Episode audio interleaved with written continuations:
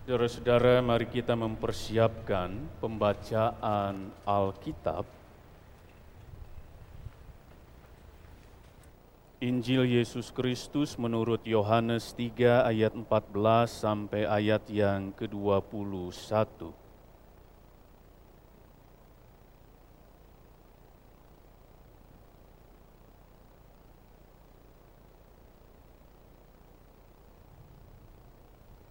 Yohanes 3 ayat 14 sampai ayat yang ke-21.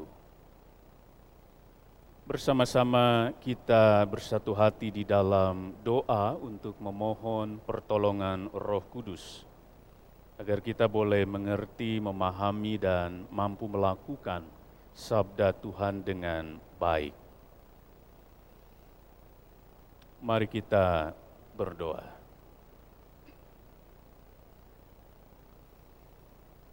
Kami percaya, ya Allah,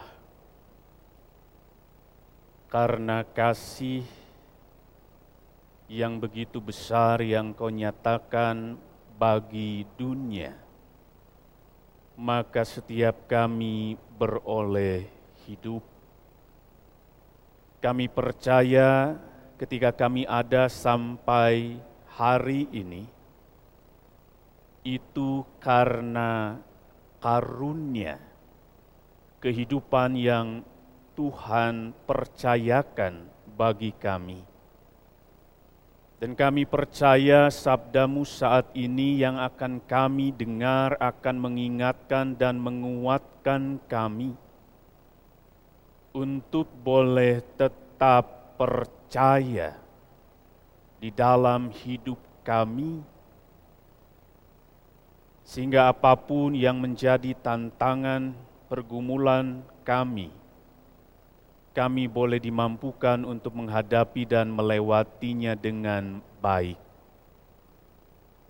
Kami percaya ya Allah sabdamu akan mengingatkan kami bagaimana kami harus menjalani hidup kami dengan berkualitas. Bagaimana kami harus terus menjadi berkat di dalam keseharian langkah kami. Oleh karena itu berkati setiap kami, berkati juga hambamu yang akan menyampaikan. Kiranya pesan kebenaran sabda Tuhan boleh tersampaikan dengan baik seturut dengan yang Tuhan kehendaki. Bersabdalah ya Allah, karena kami siap mendengar. Amin.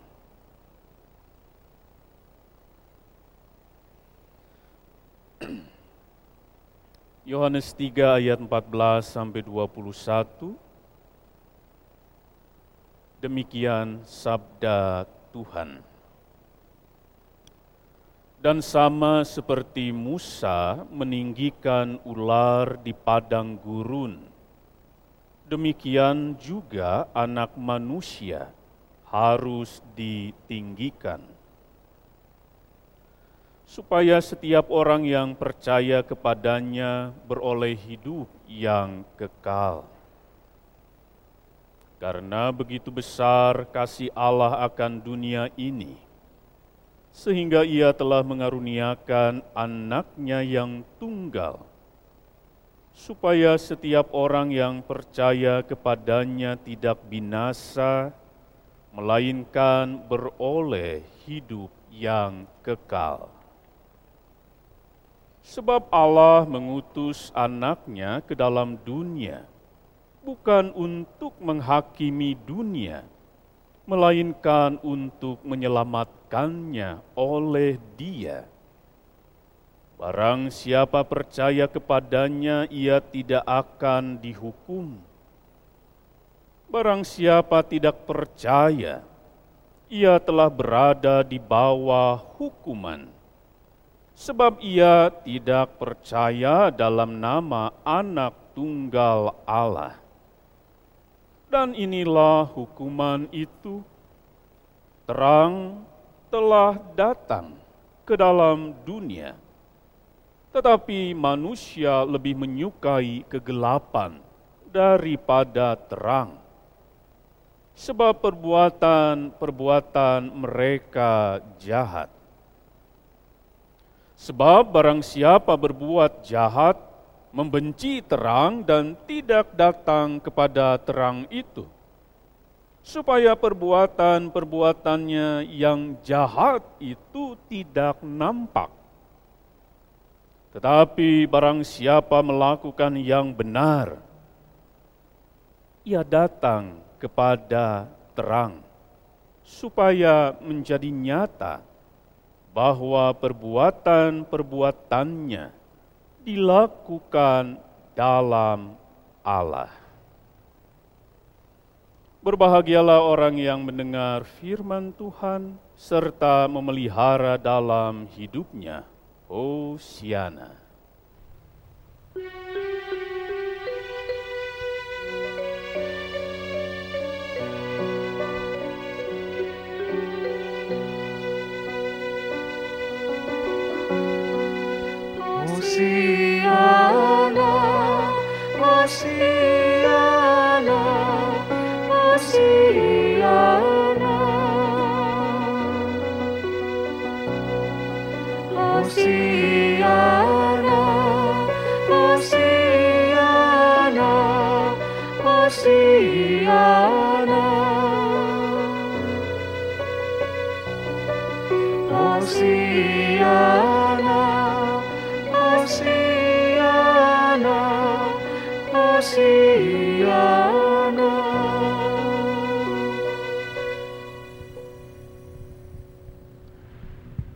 Saudara-saudara, percaya kudu, cangcaya ulah. Ini penting sebab kita hidup karena percaya. Kita hidup oleh percaya bahwa Allah mengasihi kita. Kasihnya begitu besar sehingga putra tunggalnya diberikan bagi kita. Sehingga kehadiran Yesus memberikan kehidupan bagi saya dan saudara. Kita bertahan dalam pandemi juga karena percaya bahwa sesulit apa pun, pergumulan sehebat apa pun, Allah ada. Allah menyertai, Allah memelihara, Allah menguatkan, menopang, dan memampukan kita di tengah-tengah pandemi yang ada. Kita percaya, atau karena percaya, maka kita juga melakukan yang namanya prokes, protokol kesehatan. Karena kita meyakini prokes menjadi salah satu cara yang ampuh untuk mencegah penularan COVID-19. Saudaraku, satu tahun yang lalu, tepatnya 15 Maret 2020, kita jemaat GKP Bandung terakhir melakukan kebaktian secara ragawi di gedung ini. Saat itu informasi terkait COVID-19 mulai menggemparkan, mulai membuat kita kaget, mulai membuat kita merasa cemas, bingung apa yang harus kita lakukan. Sehingga langkah cepat perlu dilakukan saat itu. Dan setelah kebaktian di 15 Maret 2020 kita informasikan mulai saat ini kita tidak bersalaman secara bersentuhan tangan. Nah mungkin saudara-saudara satu tahun yang lalu ada yang hadir menganggap ini lebay, lebay banget gitu. Masa tidak salaman? Mungkin ada yang masih meragukan, ada yang masih belum percaya bahwa COVID itu benar-benar ada.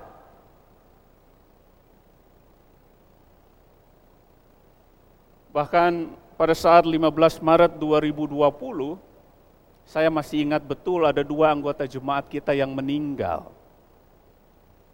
Sehingga harus dilayani dalam pelayanan kebaktian pemakaman ketika itu.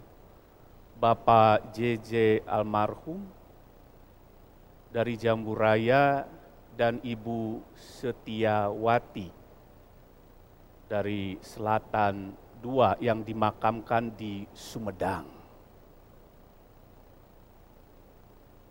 Karena kita percaya ketika itu COVID real, sesuatu yang nyata, maka kita mulai berhati-hati, maka kita mulai saat itu melakukan protokol kesehatan, termasuk dalam dua pelayanan pemakaman.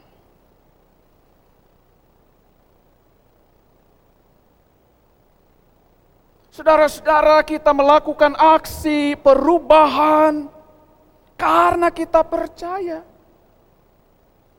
Artinya saudara-saudara kepercayaan pada sesuatu itu mendorong kita untuk berbuat sesuatu, untuk berubah. Nah rupa-rupanya saudara-saudara hal ini juga yang mendorong Nikodemus untuk menjumpai Yesus. Nikodemus percaya bahwa Yesus bisa memberi jawaban atas banyak pertanyaan dalam dirinya ketika itu. Dan lembaga Alkitab Indonesia memberi judul untuk bacaan kita, saudara-saudara, percakapan dengan Nikodemus itu menjadi bagian dari Yohanes pasal 3 ayat 1 sampai 13 dan 14 dilanjutkan dengan respon-respon Yesus. Ada banyak pertanyaan dalam diri Nikodemus, saudara-saudara. Dia adalah sosok pemimpin agama Yahudi, orang Farisi, seorang yang terpelajar, seorang yang mempelajari hukum dengan baik, hukum Taurat, seseorang yang memiliki status sosial tinggi, seseorang yang diakui kepakarannya dalam Taurat, seseorang yang dihormati, bahkan disegani paham agama, mengerti kitab suci, hafal Taurat. Namun rupa-rupanya ia masih belum merasa puas. Ia masih merasa gelap. Dan itu saudara-saudara membuktikan bahwa pengetahuannya akan kitab suci tidak mampu membuat Nikodemus tenang atau tidak mampu menjamin Nikodemus merasa reg-reg, oh saya yakin selamat, oh saya yakin bisa hidup terus atau bisa hidup lebih baik.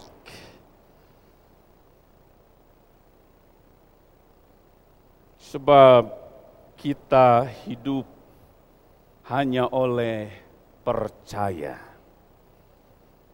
hanya dengan menerima Yesus, maka kita beroleh hidup. Karena itu saudara-saudara, Nikodemus begitu bersemangat menjumpai Yesus untuk berdialog, untuk berdiskusi, untuk meminta semacam pencerahan dan jawaban atas kegelisahannya.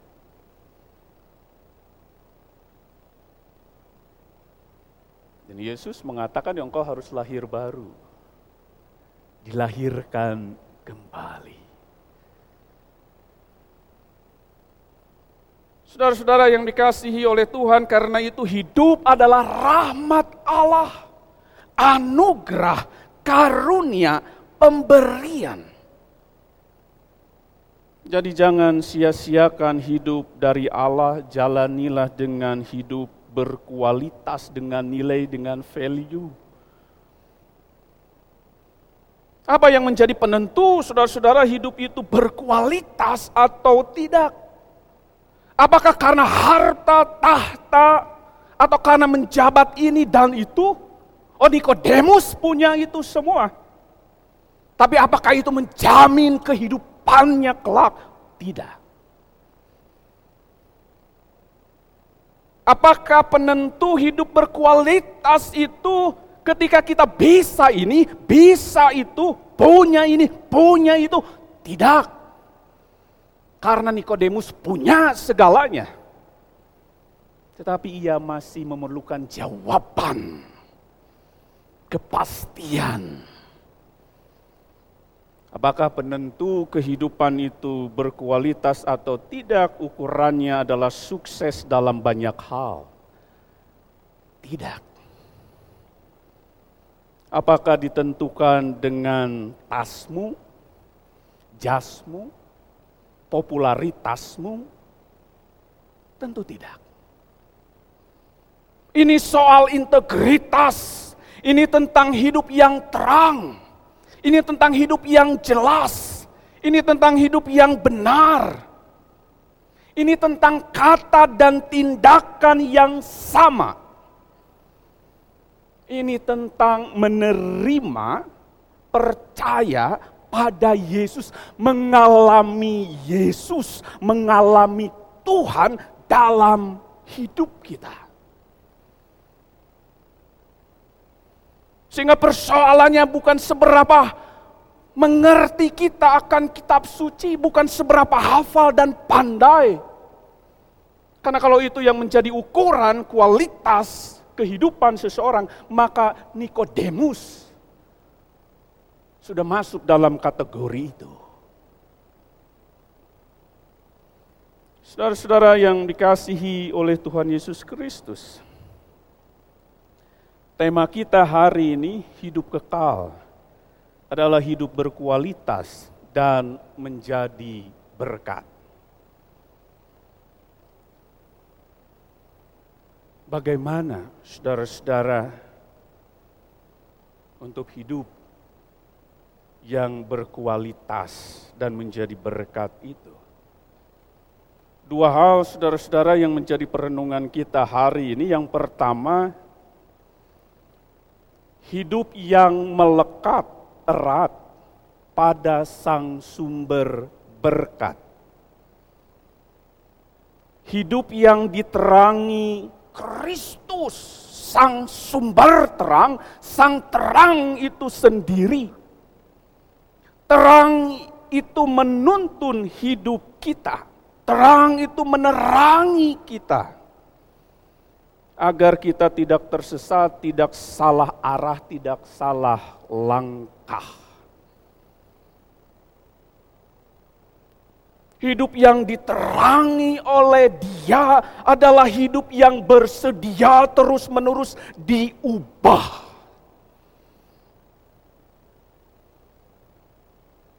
Hidup yang makin dekat Tuhan, bukan makin jauh apalagi jauh-jauhan. Kalau jauh-jauhan berarti ada persoalan. Suami istri jauh-jauhan berarti ada persoalan. Sebagai satu persekutuan jauh-jauhan berarti ada persoalan. Kecuali duduk ya, kita perlu berjauhan karena pandemi. Yang kedua, saudara-saudara, kita diingatkan hidup yang taat dan punya manfaat.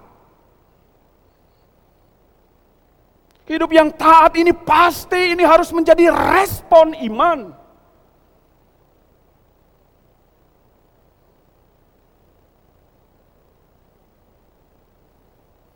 Ketika Nikodemus diingatkan bahwa engkau harus lahir baru, Mati engkau harus menerima, percaya kepada Yesus, maka respon iman salah satunya adalah ketaatan.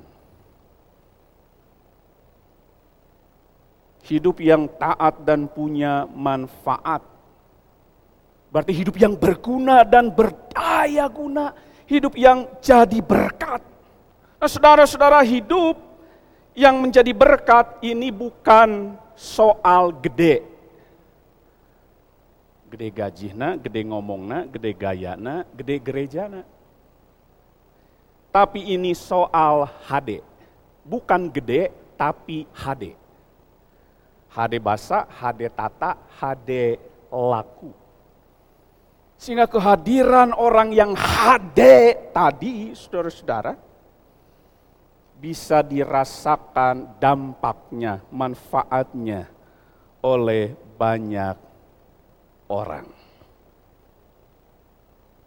Saudara-saudara, Minggu Prapaskah yang keempat ini mengingatkan kita untuk mari terus percaya ulah cangcaya percaya bahwa kehidupan adalah anugerah Allah, rahmat Allah, masih diberikan kepada kita karena cinta kasihnya yang begitu besar. Percayalah senantiasa pada dia. Dengan hidup yang melekat erat pada sang sumber berkat dan dengan hidup yang taat dan punya manfaat. Bukan soal gede, tapi soal hade. Amin.